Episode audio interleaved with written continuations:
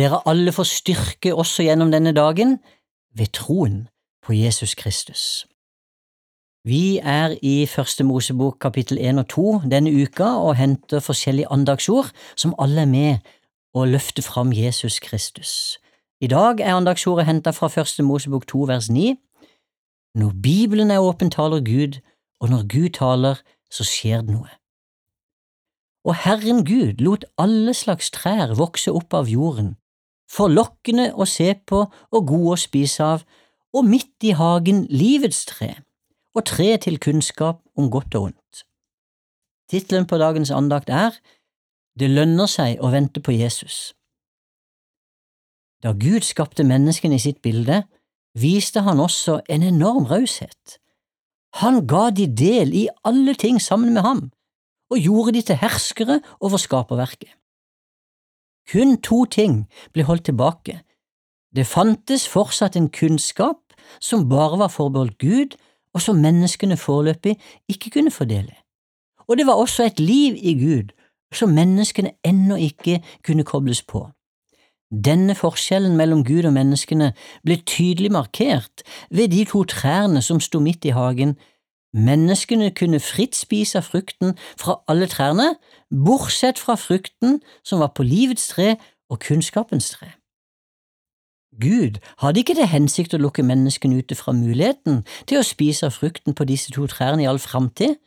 Hans plan for evighet var jo både å gi oss del i all kunnskap og det evige livet, men han ville det skulle skje ut fra hans plan, i den timen han hadde bestemt.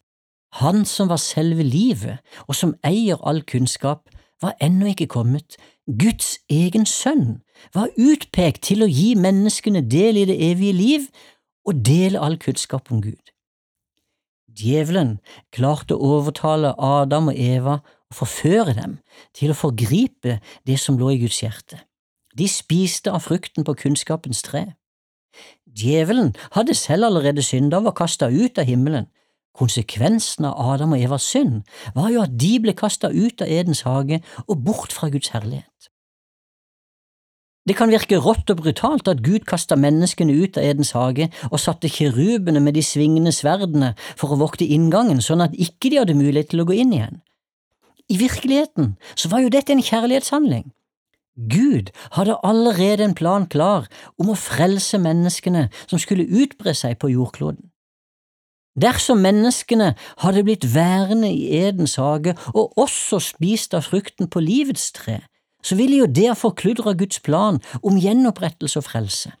Hadde Adam og Eva spist av frukten på livets tre i sin syndige tilstand, så ville jo både de og den oppvoksende menneskesekten leve evig i de syndige og fordervede menneskekroppene.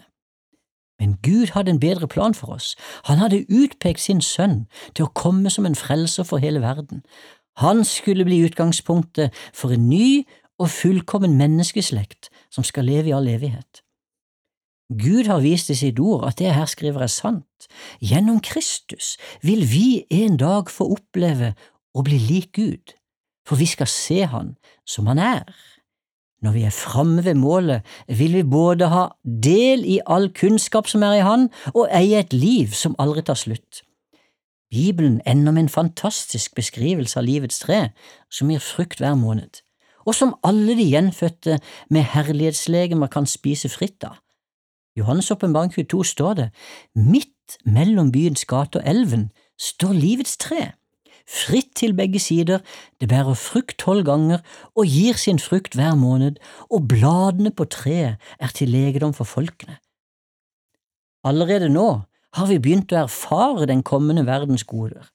Gjennom Jesu nærvær i livene våre har vi fått har vi fått en forsmak på den kunnskapen og det livet som venter oss i det kommende verden. I Kolossene 2 skriver Paulus, for i ham, altså i Jesus, er alle visdommens og kunnskapens skatter skjult til stede, og Jesus er jo også selve livet. Du som tror på Jesus, har allerede fått del i det evige livet. Det evige livet er ikke bare noe som kommer, det har allerede starta. Nærværet av Jesus i livene våre viser til fulle at Gud ikke har spart noen ting for oss. Han har allerede gitt det mest dyrebare han har, sin egen sønn, til soning for våre synder. Og gjennom den gaven har vi en garanti for at vi også får del i alt sammen med ham.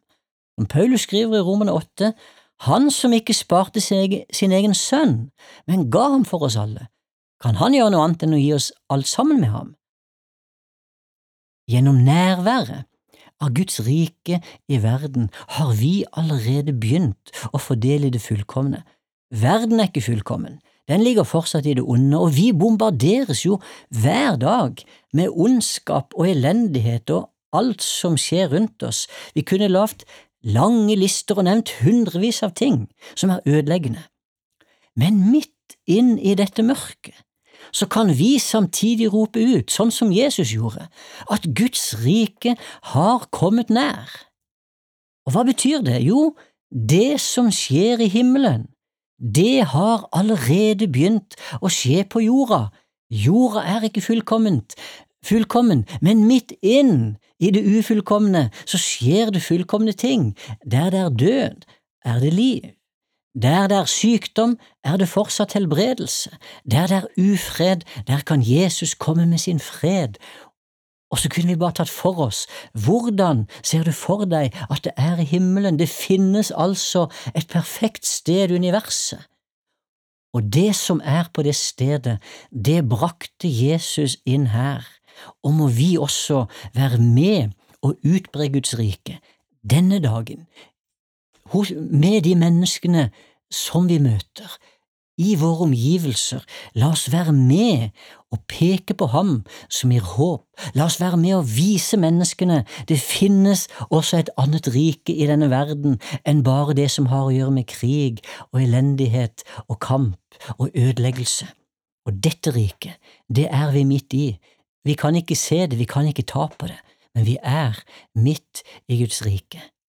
Det lønner seg å vente på Jesus, han er den som fører oss inn i alt dette gode. Og vi takker deg, Jesus, for at du kom. Vi takker deg for at du kom i tidens fylde, akkurat på det sekundet som det var bestemt at du skulle bli født. Takk for at du gjorde akkurat det som du kom for å gjøre. Og nå ber vi Jesus åpne våre øyne, åpne verdens øyne, så alle skal få se din frelse i Jesu Kristi navn. Amen. Du har nå hørt en andakt i serien Over en åpen bibel. Andaktsholderen i dag da var Geir Stovnås. Serien blir produsert av Norea Mediemisjon.